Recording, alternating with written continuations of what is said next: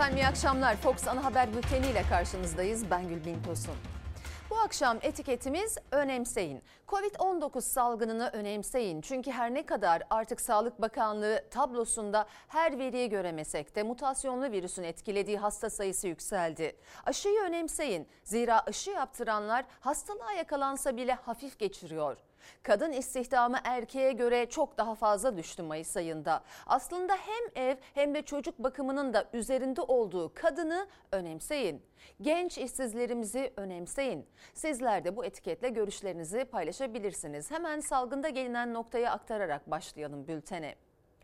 Delta varyantı Türkiye'de hızla yayılıyor. Sağlık Bakanı da vaka sayılarının %20 arttığını açıkladı. Delta varyantına yakalananların sayısı ise bir haftada 3 kat birden arttı. Dünya Sağlık Örgütü'nden de aşı uyarısı geldi.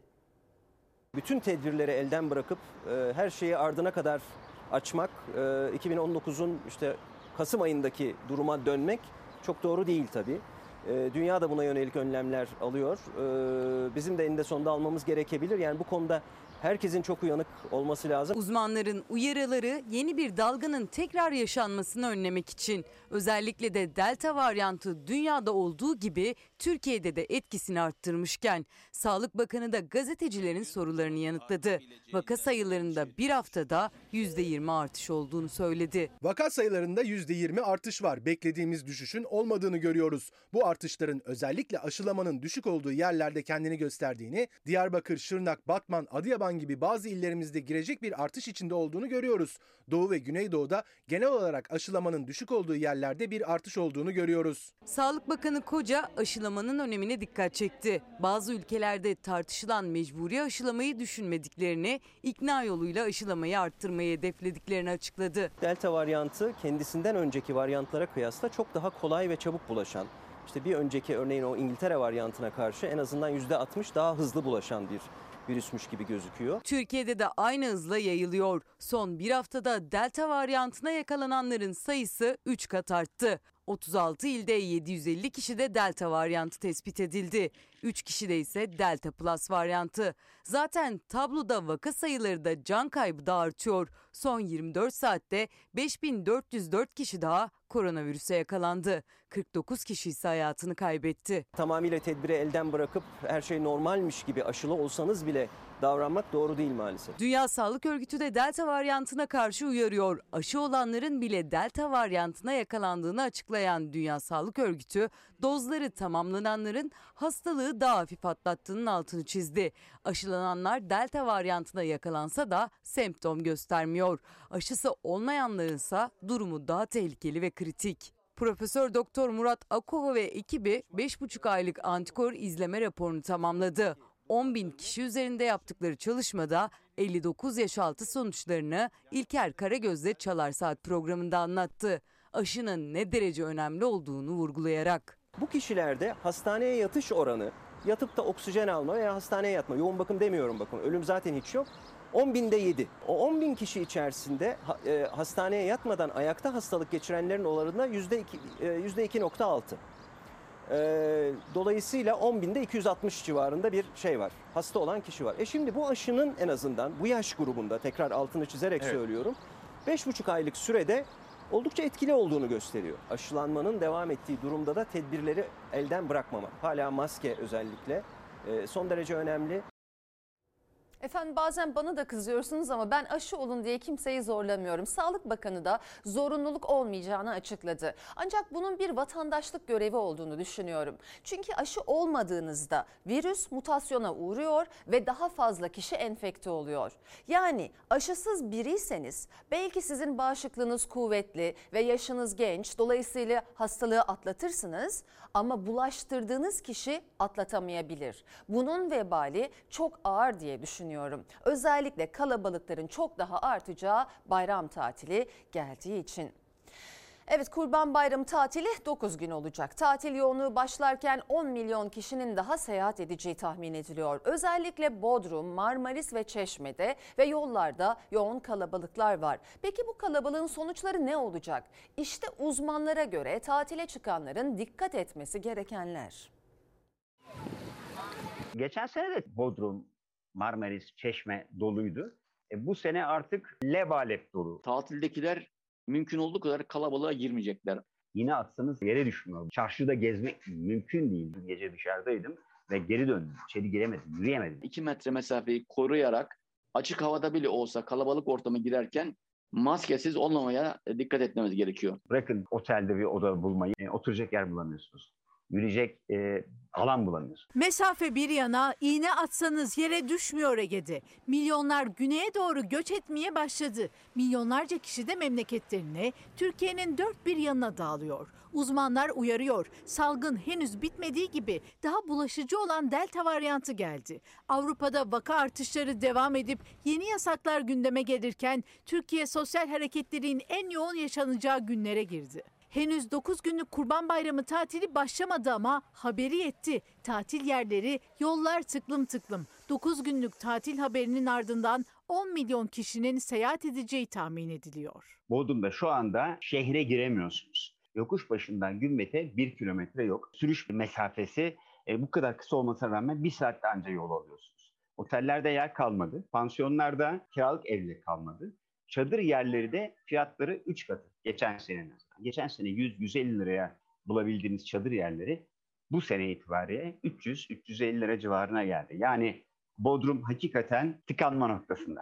Bodrum tıkandı. Fiyatlar 3 katı, doluluk %100. Bodrum, Marmaris ve Çeşme'de rezervasyonlar %100 doldu. Asos, Kuzey Ege'nin bazı yerleri Antalya ve Alanya bölgeleri %100 doluluğa doğru yaklaşıyor. Antalya ve Alanya'da boş kalan yerlerin sebebi Almanların bu sene Türkiye'ye rağbet etmemesi. Antalya, Alanya'da halen yer var. Ruslar gelmeye başladı ama Almanlarda henüz istenen talep yok. Tatile çıkanlar için riski en aza indirecek tavsiyeleri uzmanı verdi. Denizdeyken maske takmak mümkün değil. Denizden çıktığınız anda, yüzünüzü kuruladığınız anda bir an önce maskenizi takın. O şekilde kalabalığın içine karışın. Çevrenizdeki kişi yüksek sesle konuşursa, öksürürse, hapşırırsa delta varyantı size kolaylıkla bulaşabilir. Özellikle iki doz aşısı olmayanlar arasında inanılmaz derecede hızlı yayılıyor. Aşı olup tatile öyle çıkmak büyük önem taşıyor. Aşı olmak seyahate engel değil. Aşınızı olun ondan sonra seyahat edin.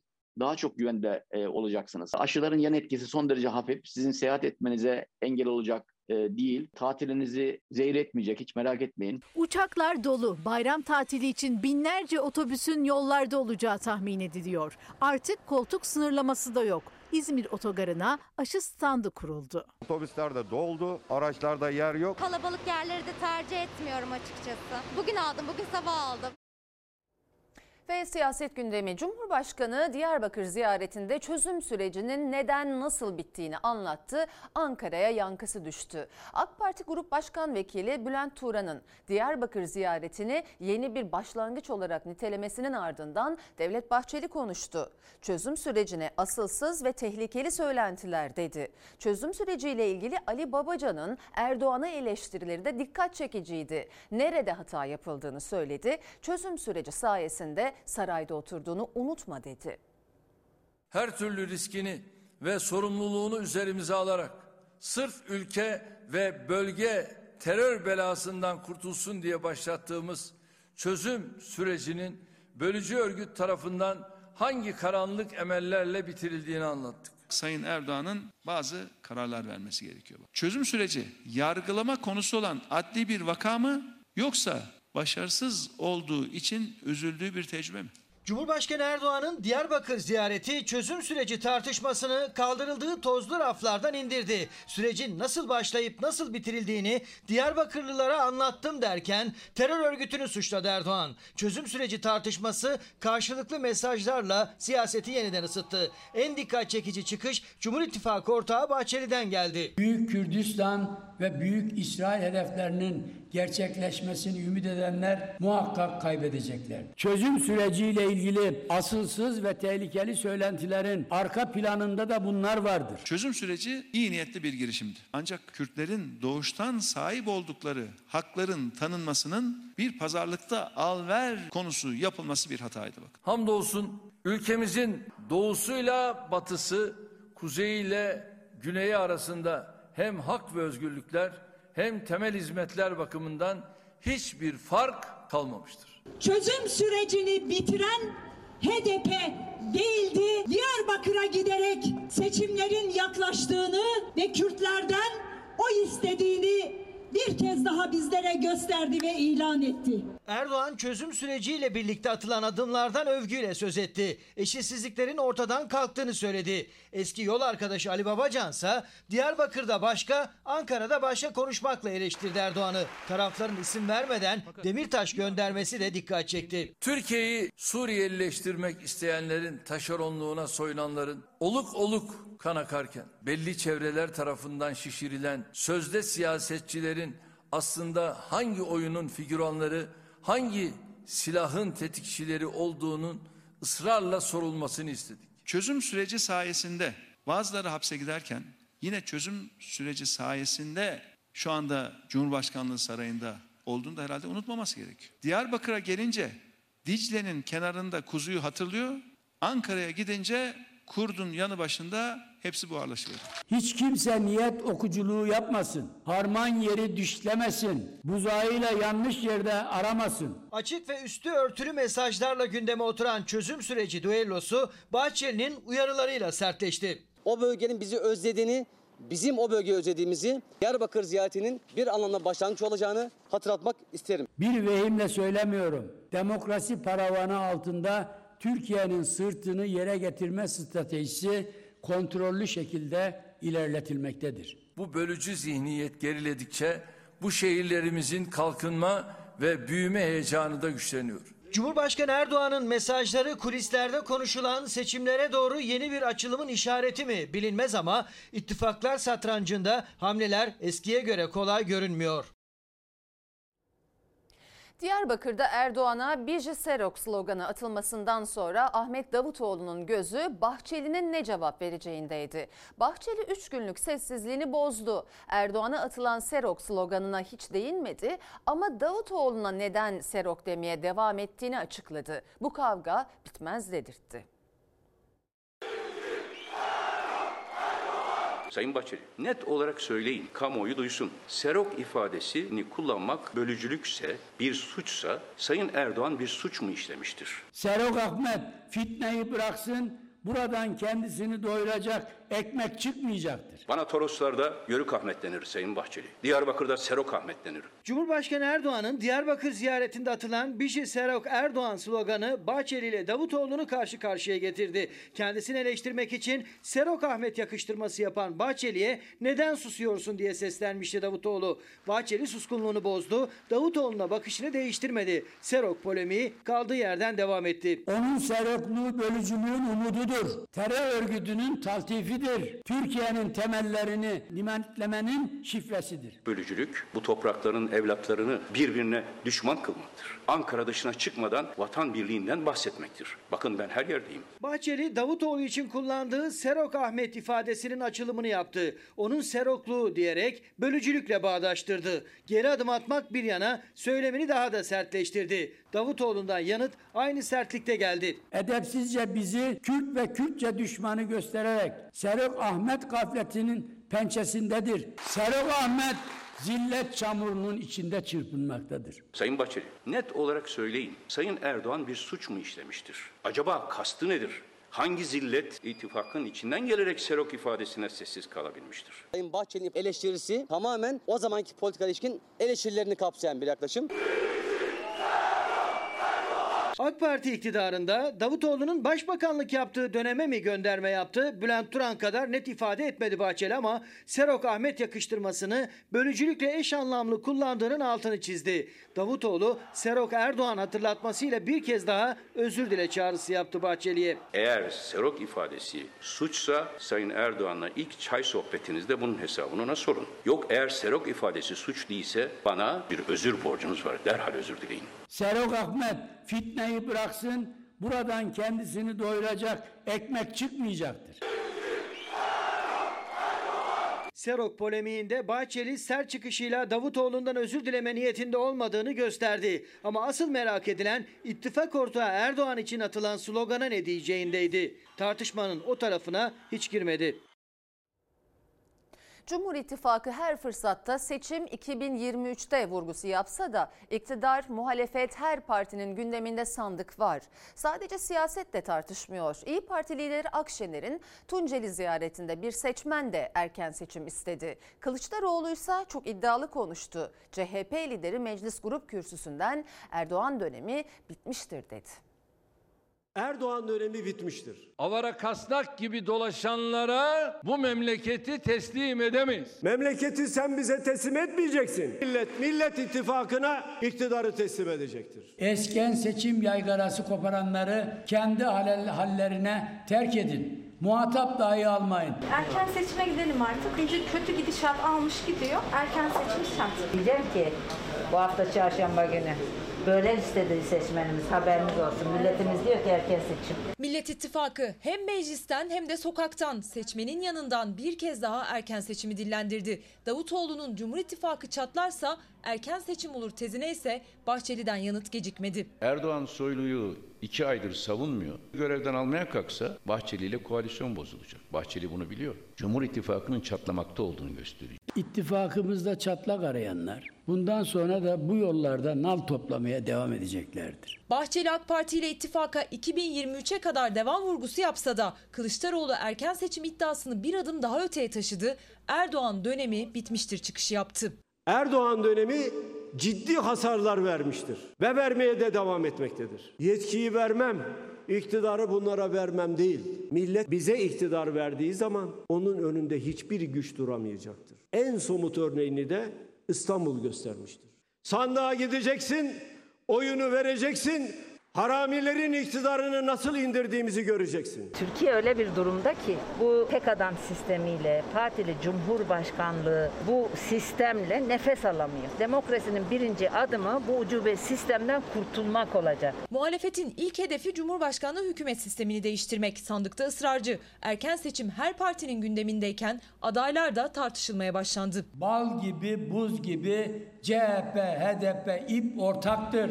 Ne var ki kimin Cumhurbaşkanı adayı olacağı meselesi de aralarında ihtilaf yaratmıştır. Sordular bana.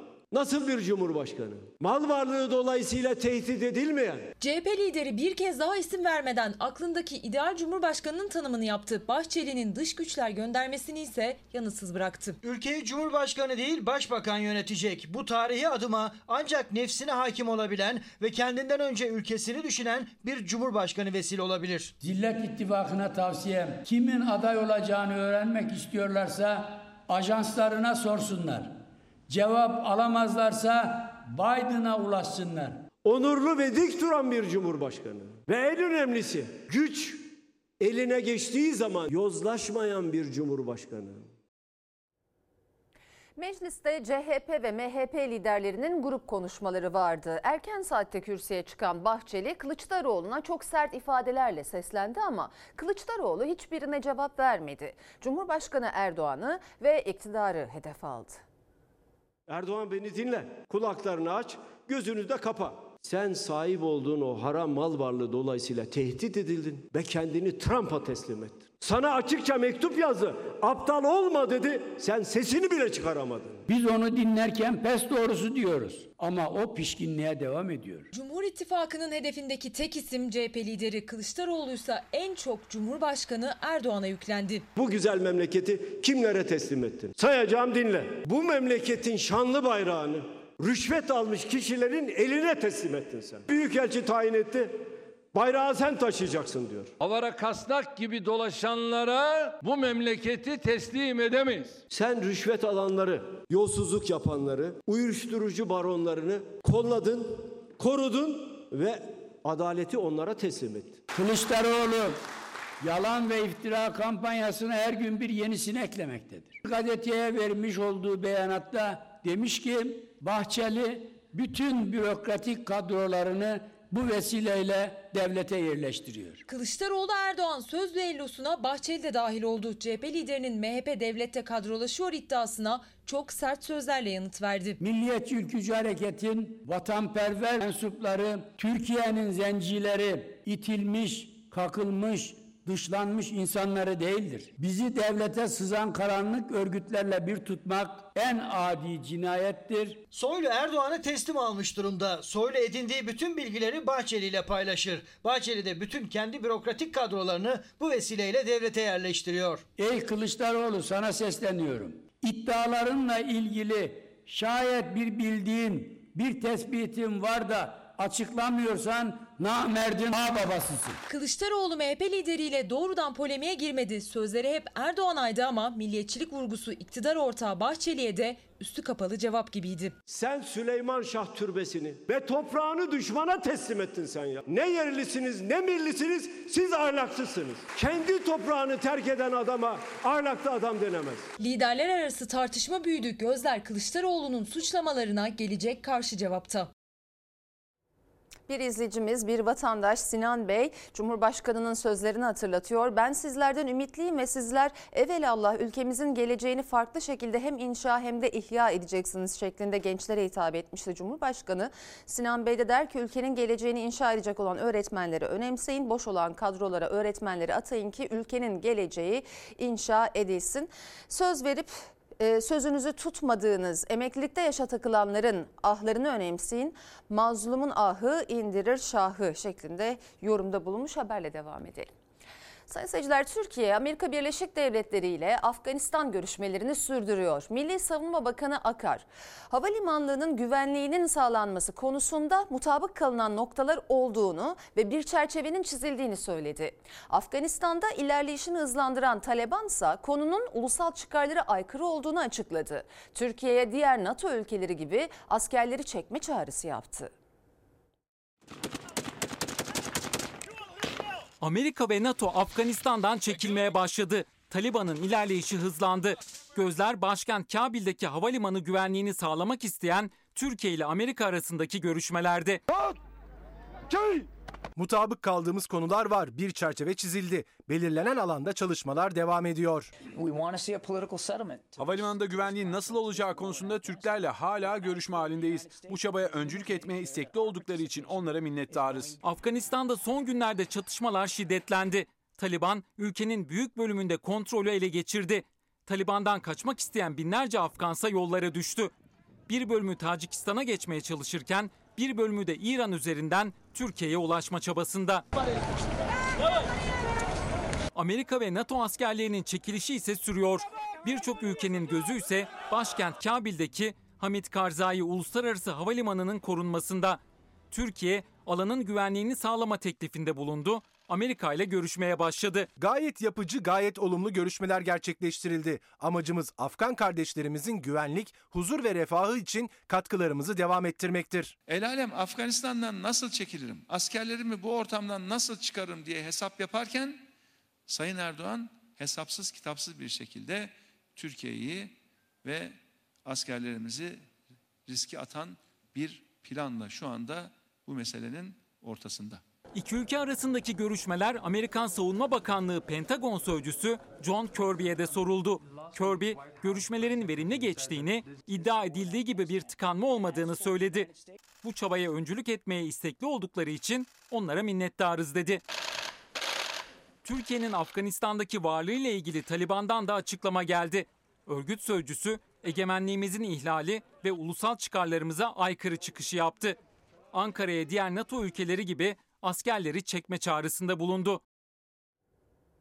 Hakkari İl Emniyet Müdür Yardımcısı Hasan Cevher, polis evinde öğle yemeği yerken Çevik Kuvvet Şube Müdürlüğü'nde görevli bir polisin silahlı saldırısına uğradı. Ağır yaralanan Cevher kurtarılamayarak şehit düştü. Olayın nedeni hakkındaysa henüz bir açıklama yapılmadı.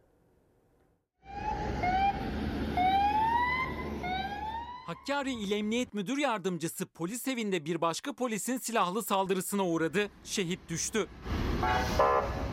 Saat 13.50 sularıydı. Hakkari İl Emniyet Müdür Yardımcısı 2. sınıf Emniyet Müdürü Hasan Cevher polis evinde yemek yiyordu. Çevik Kuvvet Şube Müdürlüğü kadrosunda görevli polis Nasuh Çulcu tarafından silahla 3 el ateş edilerek vuruldu. Evli ve iki çocuk babası Cevher kaldırıldığı hastanede kurtarılamayarak şehit oldu. Cevher'i şehit eden polis ise olay yerinden kaçarken ayağından vurularak yakalandı. Olayla ilgili soruşturma başlatıldı.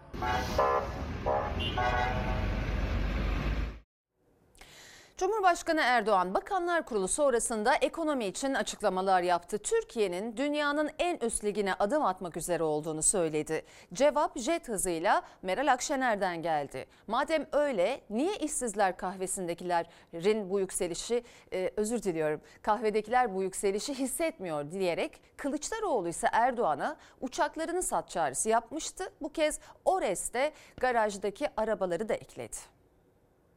Türkiye siyasi ve ekonomik olarak dünyanın en üst ligine adım atmak üzeredir. Sayın Erdoğan, madem öyle o zaman neden Tunceli'de işsizler kahvehanesinde dinlediğimiz vatandaşlarımız bu yükselişi hissedemiyor?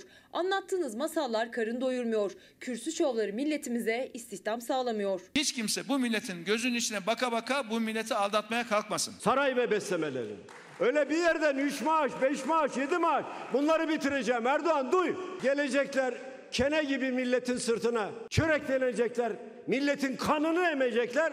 Bunun adına da devlet yönetimi diyecekler. Batsın sizin anlayışınız ya. Ne devlet yönetimi ya? Ekonomiye bakışta iktidar muhalefet 180 derece farklı tablolar görüyor, dillendiriyor. Bir yanda dünyanın en üst ligine adım atmak üzereyiz diyen iktidar var. Diğer yanda işsizliği, kötü yönetimi, 3-5 maaş alanları israfı gündemden düşürmeyen muhalefet. Gelince uçakları satacakmış. Dünyayı dolaşacaksın. Neyle? Tarifeli uçaklarla mı? Vallahi de satacağım, billahi de satacağım. Söke söke alacağım ve satacağım. Sadece uçakları değil. Garaja koydu. Her birisi milyon dolar olan o pahalı arabaların tamamını satacağım. Devlet yönetmenin ne anlama geldiğinden senin haberin yok. Yarış edeceksin. Neyle? Tarifeli uçaklarla mı? Yo, trene binersin. Otobüslerle beraber seyahat edersin. Dünyayı dolaşacaksın. Neyle diyor? Tarifeli uçaklarla mı? E, Merkel de geziyor tarifeli uçaklarla. Bizi kıskanıyor mu Merkel? Allah bunlara akıl fikir versin. Parayla itibar olmaz kardeşim ya. Namuslu olduğun zaman, harama el uzatmadığın zaman itibarın olur senin. Ekonomide uçak, israf, itibar tartışması bitti. Döviz, faiz, enflasyon atışması son sürat devam etti. Türk ekonomisini sadece döviz kuru, faiz, enflasyon parantezine hapsetmeye çalışanların gerideki yatırım, üretim, istihdam, ihracat, büyüme temelli asıl fotoğrafı gözlerden kaçırma çabaları boşunadır. Bana söyler misin? Türkiye Cumhuriyeti tarihinde ekonomisini Londra'daki tefecilere teslim eden ikinci bir başbakan cumhurbaşkanı var mı? Bir ayda ödenen faiz 1 milyar 800 milyon dolar. Cumhuriyet tarihinde hiç yoktur örneği. Yüzün kızarmıyor mu senin için? Faizi yüzde on dokuz mu arkadaşlar? Bu Avrupa'nın en yüksek faizi, en yüksek. Dünyanın yedinci yüksek faizinden bahsediyoruz ya. Yüzde on dokuz. Bu Merkez Bankası son başkan geleli dört ay oldu, dört ay. Niye hala faiz yüzde on dokuz? Gözler faizde, dövizde, işsizlik ve gelirde. Pandemide zaten güçtü iş bulmak ama en büyük zorluğu kadınlar çekti. Son bir yılda kadın işsiz sayısı 228 bin kişi artarken erkek işsiz sayısı yalnızca 25 bin kişi arttı. Fark büyük. İstihdamda da erkekler şanslıydı. Kadın istihdamı ise tam aksine azaldı. Bekar anneler tek başına ayakta durma çabası verirken evli çiftler için de tek maaş hiçbir gideri karşılamıyor. Neden olduğunu bilemiyorum ama kadınlar ilk planda kadınlar bir kapıya konuluyor. İşte yok yani hani. Çünkü bizden fazla başka yabancılar çalışıyor. Az fiyatlarla çalışıyorlar. Ne bileyim bin liraydı. Kulübe gibi bir yer versen de onlar kalıyor. Kadın işsizliği artıyor derken yabancı istihdamı mı artıyor? Tabii onlar çok var. Biz mağdur oluyoruz. Bir ayda erkek istihdamının 117 bin kişi artıp kadın istihdamının 332 bin kişi azaldığı bir dönemde işsiz kaldı. Tekstil çalışanı Nuran Çıtak o asgari ücretle geçim hesabı yaparken sigortası işverene yük olduğu için kayıt dışı çalışanların yerini almasına isyan etti. Onun gibi benzer nedenlerle işsiz kalan kadınlar yine iş kurdaydı. Önce Covid oldu, 4 ay evde kaldık. Baktık sigorta falan hiçbir şey ödenmemiş. Ondan sonra işe çağırdılar. İşe başladık. iki gün çalıştık. Üçüncü gün dediler işte işsizlik var. Hani sizin hem sigortanızı hem maaşınızı verebilecek şeyde değilim. Zor durumdayız gerçekten yani. Sıkıntılar başladı. Kızım üniversiteye gidiyor benim. Yani eşimden de ayrıldım. Covid'de bir 600 aldık 4 ay boyunca. E bundan sonra zaten iş kur ne verecek onu da bildiğimiz yok. Oysa Türkiye'de çalışabilir yaştaki kadın nüfusu 32 milyondan fazla ama sadece 10 milyonu iş gücüne dahil olabiliyor. Mayıs ayı TÜİK verisine göre ise iş aradığı halde iş bulamayan kadın sayısı 1.6 milyon. Kadınlar yüzlerine kapanan kapılara rağmen umuttan çok sabırla iş arıyor. Çünkü hesap ortada. Artık ma ile geliyorlar iş bulmak için iş kura. Hele İstanbul gibi bir yerde yaşıyorsanız kesinlikle tek kişiyle ev geçinmiyor maalesef. Çünkü o tek kişinin maaşı ortalama ne kadar oluyor? 2000, 2800 alıyor şu anda. Bir ev kirasına düşünsenize 1,5 milyar ev kirasına gitse 1000 lira kalıyor. İstanbul'da genellikle dikkat edin. Çocuk çalışıyor, baba çalışıyor, anne çalışıyor. Aynı lokantada ya da aynı kahvede. Ya hayat böyle oldu. Ancak kurtarıyor. Hayat müşterek ama özellikle büyük şehirlerde ve son zamanlarda mecburiyet. Hem bir evin yükünü paylaşmak hem de özellikle kadınların kendi ayakları üzerinde durması ve kendi yuvasını kurması için önemli iş gücüne dahil olmaları. Ancak Türkiye İstatistik Kurumu verilerine göre hem iş gücüne katılımda hem de istihdamda kadınlar erkeklere göre ikinci planda. İşte bu nedenle kadın işsizliği giderek büyüyor. İşten çıkarmalarda ilk sırada hep kadınlar oluyor. İşveren işinin olmadığını söyledi. İzine çıkarttı. İzin sonrası da iş hakkımızı feshetti. Bir oğlum var. Eşimden ayrıyım. Tabii ki çalışmam gerekiyor. Maddi gücümü sağlamam gerekiyor. Son bir yılda kadın işsiz sayısı 228 bin kişi artarken erkek işsiz sayısı yalnızca 25 bin kişi arttı. Kadın işsizliği Mayıs ayında %15,5 olarak kayıtlara geçti. Görünen o ki Temmuz işsizleri arasında kadınlar yine çoğunlukta. 1 Temmuz oldu. İşten çıkarma yasağı kaldırıldı. Ağlayacak halimize gidiyoruz şu an. Maalesef.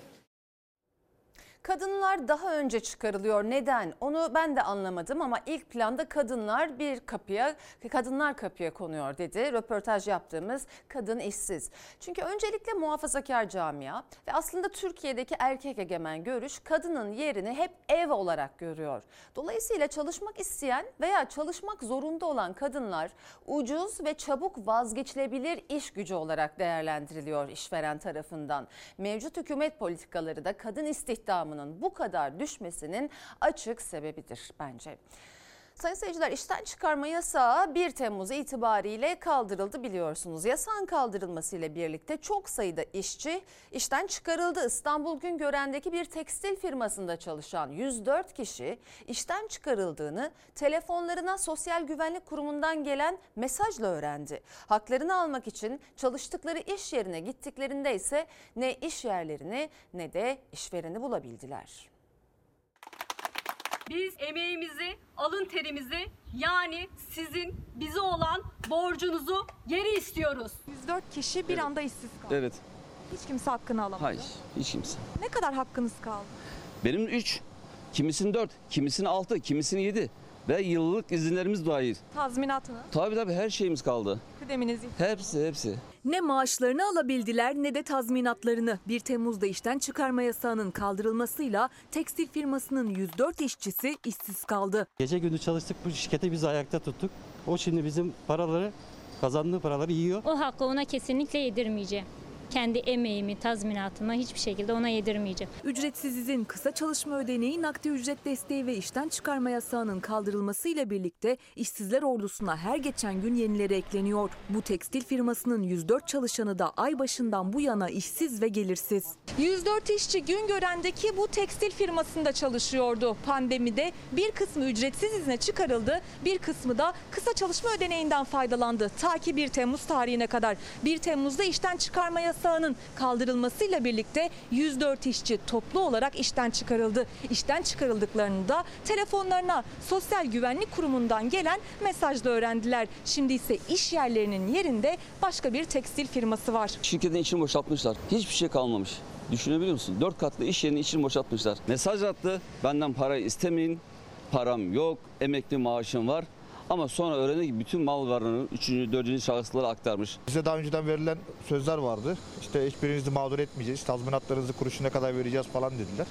Ama geldiğimizde şirketin içi bomboştu. Bu mesajla işten çıkarıldıklarını öğrenen işçiler iş yerlerine geldiklerinde kimseyi bulamadılar. Haklarını alabilmek için hafta sonu patronlarının evinin önünde toplandılar.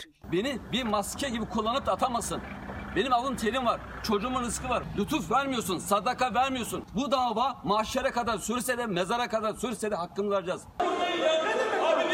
Biz buraya emek vermiş insanlarız abi. Niye vuruyorsunuz ya? Bu görüntüleri ise Nakliyat İş Sendikası paylaştı. Bir havayolu şirketinde 40'a yakın çalışanın işten çıkarıldığı öne sürülmüştü. İşçiler protesto için şirketin genel merkezine gitti. Ancak eylemi polis engelledi. İşçiler ve sendika üyeleri dışarı çıkarıldı. Utanın biraz utanın.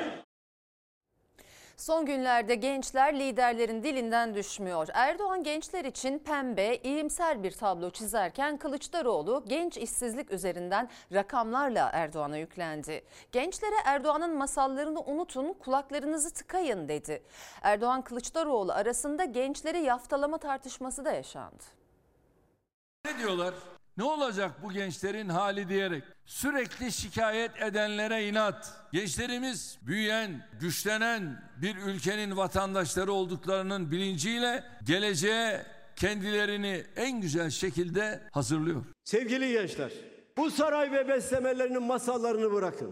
Erdoğan'ın söylemlerinin tamamına kulaklarınızı tıkayın. Böyle bir adam yoktur deyin. Cumhurbaşkanı gençler için iyimser bir tablo çizerken Kemal Kılıçdaroğlu masal anlatıyor dedi. Gençlerin işsizlik başta olmak üzere ekonomik sıkıntıları üzerinden önce sosyal medyadan sonra grup kürsüsünden yüklendi. Bir genç tweet atmış. Ortalama bir araç nasıl 200-250 bin oluyor? Ortalama bir ev nasıl 1 milyon oluyor? Kredi borcu ödemekten ciğerimiz soldu. Cidden yeter artık ya diyor. Evet gençler yeter artık ya. Kimsenin gençlerimizi kendi meşrebince tanımlamaya, yaftalamaya, onları hafife almaya hakkı yoktur. Ya gençleri yaftalayan sensin. İstismar eden de sensin kardeşim. Gittin gençlerle beraber bir kahvede oturacaksın. Bir tane genç kızımız ayak ayak üstüne atmış. Vay efendim derhal esas duruşa geç. Niçin? Erdoğan burada. Bunlar gençlerle nasıl konuşacaklarını da bilmiyorlar. Erdoğan gençler okuyor, çalışıyor, geleceğe hazırlanıyor dedi. Kılıçdaroğlu genç işsizlik rakamlarıyla cevap verdi. İşsizlik gerçekten kol geziyor Türkiye'de. Geçici işsizlik için bile yüz binler sıraya giriyor. Üniversiteli işsizlerin sayısı son 15 yılda tam 10 kat arttı. 15-24 yaş arası her 4 gencin birisi işsiz. Yaklaşık 2 milyon genç kayıt dışı çalışıyor. Sigortası, güvencesi yok. OECD ülkesi onlarca ülke arasında genç işsizliğinde zirvedeyiz. Gençlerimizin girişimcilik konusundaki iştahlarını ve kabiliyetlerini memnuniyetle takip ediyoruz. Baba işsiz, anne işsiz, üniversiteyi bitiren oğul işsiz, evde birbirlerinin yüzüne bakamıyorlar. Boşanma davalarına bakın siz. Uyuşturucuya bakın siz. Uyuşturucu senin genel merkezine kadar girdi. Gençlerle ilgili iki lider de iki farklı pencereden baktı. CHP'li Mahmut Tanalsa meclisteki odasının penceresinden gençlerimizi kuyruğa mahkum ettiler diyerek bir video paylaştı. Birkaç koldan uzayıp giden kuyruğun Milli Savunma Üniversitesi Harp Okulu'nun subay ve astsubaylık sınavına giren öğrenci adayları ve ailelerinin olduğu ortaya çıktı. Liderlerin ise gençlere son sözleri sandık üzerinden oldu. Lütfen ne kendine ne de milletine faydası olan muhterislerin hayallerinizi çalmasına, enerjinizi heba etmesine izin vermeyin. Sizin hayalleriniz bizim hedeflerimizdir. 6 milyon 300 bin genç Türkiye Cumhuriyeti Devleti'nin kaderini belirleyecek. Efendim Yunanistan büyük bir skandala imza attı. Atina hazırlık maçı için Yunanistan'a giden Galatasaray kafilesinin Türkiye'de yaptırdığı Covid-19 testlerini kabul etmedi. Türk kafileyi saatlerce havalimanında bekletti. Uzun süre su bile vermedi. Tartışma uzayınca sarı kırmızılı takım maçı oynamadan Türkiye'ye döndü. Pasaportlarımızı istediler. Deport edeceklerini. Biz de pasaportlarımızı vermeyeceğimizi söyledik. Tam bir komedi. Savunacak bir tarafı yok. Herkes e, yaptığı ayıbı biliyor. Yunanistan Galatasaray'ın Covid-19 testlerini kabul etmedi. Yeni test istedi. Galatasaray saygısızlığa prim tanımadı. Hazırlık maçına çıkmadan Türkiye'ye döndü. Yunan gümrük personeli ve emniyet güçlerinin bu tavır, uygulama ve davranışını asla kabul etmiyoruz. Yapılan bu insan haklarına aykırı muamele için Yunan makam ve yetkililerinden ülkemiz adına özür bekliyoruz. Galatasaray Yunanistan'ın Olympiakos takımıyla hazırlık maçı planlamıştı. Maç için Atina'ya giden kafile havalimanında büyük bir skandalla karşılaştı. Yunan yetkililer iki ülke arasında PCR testlerini tanıma protokolüne rağmen Türkiye'de yapılan testleri kabul etmedi. Herhangi bir eksiğimiz veya bize yapın deyip de yapmadığımız bir şey yok. Görevliler aralarında teknik direktör Fatih Terim'in de olduğu bazı isimlere hızlı test yapmak istedi. Gerekçe olarak son iki gündür prosedürün değişmesini gösterdiler. Bunun üzerine Terim ve diğer isimler yeni testi yaptırdı. Ancak Yunan tarafı çirkinleşti. Bu kez tüm kafileden teste girmelerini istedi. Tansiyon yükseldi. İnsan haklarına aykırı davranışlarla karşılaştık. Ee, yarımızdan fazlası otobüse gitmişti. Ee, otobüsten tekrar geriye çağrıldık. Tartışma uzadı. Galatasaray kafilesi yaklaşık 4 saate yakın havalimanında bekledi. Kafileye uzun süre su bile verilmedi. Çirkin tavır devam edince Galatasaray maça çıkmaktan vazgeçti. Gece yarısı Türkiye'ye döndü. Ne tarz, ne tavır hiç hoş bir şey değil. E biz bunları ne kaldıracak ne de boyun eğecek. Ne insanlarız ne de kulübüz. Dolayısıyla yapılması gerekene karar verdik ve takımımızı alıp döndük. Yunanistan'ın tavrına Türkiye tepki gösterdi. Dışişleri Bakanı Çavuşoğlu Atina'yı iyi niyet ve centilmenlikten uzak davranmakla eleştirdi. Gençlik ve Spor Bakanı Kasapoğlu da ilkel tavrı şiddetle kınıyorum dedi. Skandalla ilgili Yunan tarafından da açıklama geldi. Sivil Savunma ve Kriz Yönetim Bakan Yardımcısı Galatasaray'ın hızlı testi kabul etmediğini öne sürdü. Benim talimatımla ülkeye alınmadılar dedi. Ve sayın seyirciler Yunanistan'ın çirkin tavrı ile ilgili son dakika gelişmesi var. Yunanistan Büyükelçisi Dışişleri Bakanlığı'na çağrıldı. Atina'da da Galatasaray kafilesine yönelik sergilenen tutum şiddetle protesto edildi. İzmir Seferihisar'a bağlı Orhanlı köyünde köylünün tek geçim kaynağı olan ve koruma altında olan asırlık zeytin ağaçları jeotermal enerji santrali için kesildi. Köylüler hem hukuk mücadelesi veriyor hem de seslerini duyurmaya çalışıyor. Köy halkı bugün çevre gönüllüleriyle birlikte eylem yaptı.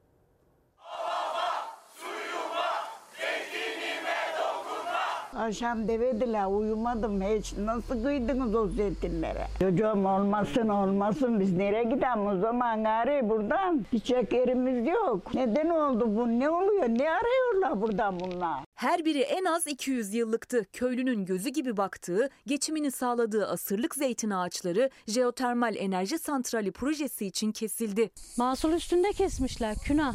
Çocukluğumuzda diplerinde gezip dolaştığımız, oynadığımız ağaçların kesmişler, kesip kesip doğramışlar. Çok üzüldük. İzmir Seferihisar'ın Orhanlı köyü yüzlerce yıllık zeytin ağaçlarıyla dolu bir vadi. Köylünün tek geçim kaynağı zeytincilik ve zeytinyağı üretimi. Keklikten sincaba, oklu kirpiden susamuruna milyonlarca nadir canlının da yaşam alanı. Ancak bölge son dönemde JES projelerinin tehdidi altında. Köye jeotermal enerji santrali yapılması planlanıyor. Jeotermale ihtiyacımız yok. Bizim zeytinlere ihtiyacımız var. Toprağımıza ihtiyacımız var. Jeotermal diye biz bir şey istemiyoruz biz. İstemiyoruz. Bu topraklar bize dedemizden, atamızdan, babamızdan kalmış. Biz de aynı şekilde çocuklarımıza miras olarak doğamızın, suyumuzun, havamızın bozulmasını istemiyoruz. Hukuksal mücadelemizi sürdüreceğiz, sürdürmeye de devam ediyoruz. Köy halkı bir yandan hukuk mücadelesi veriyor, bir yandan da sesini duyurmaya çalışıyor. Köylülerin JES projesine karşı açtıkları davada mahkeme yürütmeyi durdurma kararı verse de şirket iddiaya göre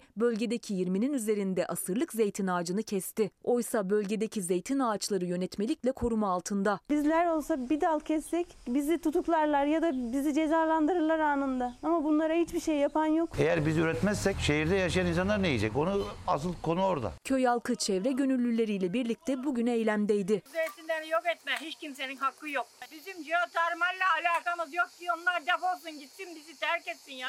Bizim köyümüz tertemizdi. Bunlar nereden geldi bize illet oldu ya?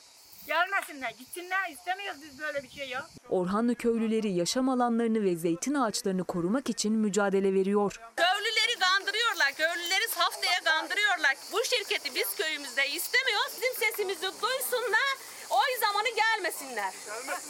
Şimdi gelsinler bize. O ağaçları da görsünler. İzmir'in Buca ilçesinde sabaha karşı sosyal medyadan e, yolu çekip canlı yayın yapan sürücü karşıdan karşıya geçmek isteyen genç kıza çarptı. Ama durmayıp kaçtı. Bu anlar canlı yayına da yansıdı. Genç kız hayatını kaybederken evinde yakalanan ehliyetsiz sürücü serbest bırakıldı. Kimsin çare ben sana vurgun çare Sosyal medyadan canlı yayın yaparken yaşandı o feci kaza. Cipin çarptığı genç kız hayatını kaybetti, sürücü ise durmayıp kaçtı. İzmir Buca'da Erkanka aracıyla ilerlerken bir yandan da sosyal medyadan canlı yayın yapıyordu. Bir anda yolun karşısına geçmek isteyen 16 yaşındaki Aysel Can Polat çıktı karşısına. Genç kız çarpmanın etkisiyle yola savruldu. Aysel Can Polat kaldırıldığı hastanede yaşamını yitirdi. Polis kaçan sürücüyü evinde gözaltına aldı. Alkollü araç kullanmaktan 4 ay önce ehliyetine de el konulduğu belirlenen sürücü adli kontrol şartıyla serbest bırakıldı. Şimdi ara zamanı. Fox ana haber bültenini burada noktalıyoruz. Fox'ta yayını Sağlık Oluversin Gari isimli televizyonda ilk kez yayınlanacak olan Türk sinemasıyla devam edecek. İyi bir akşam geçirmenizi diliyoruz. Hoşçakalın. Her köşesi cennetin ezilir yerler için bir başkadır benim memleketim.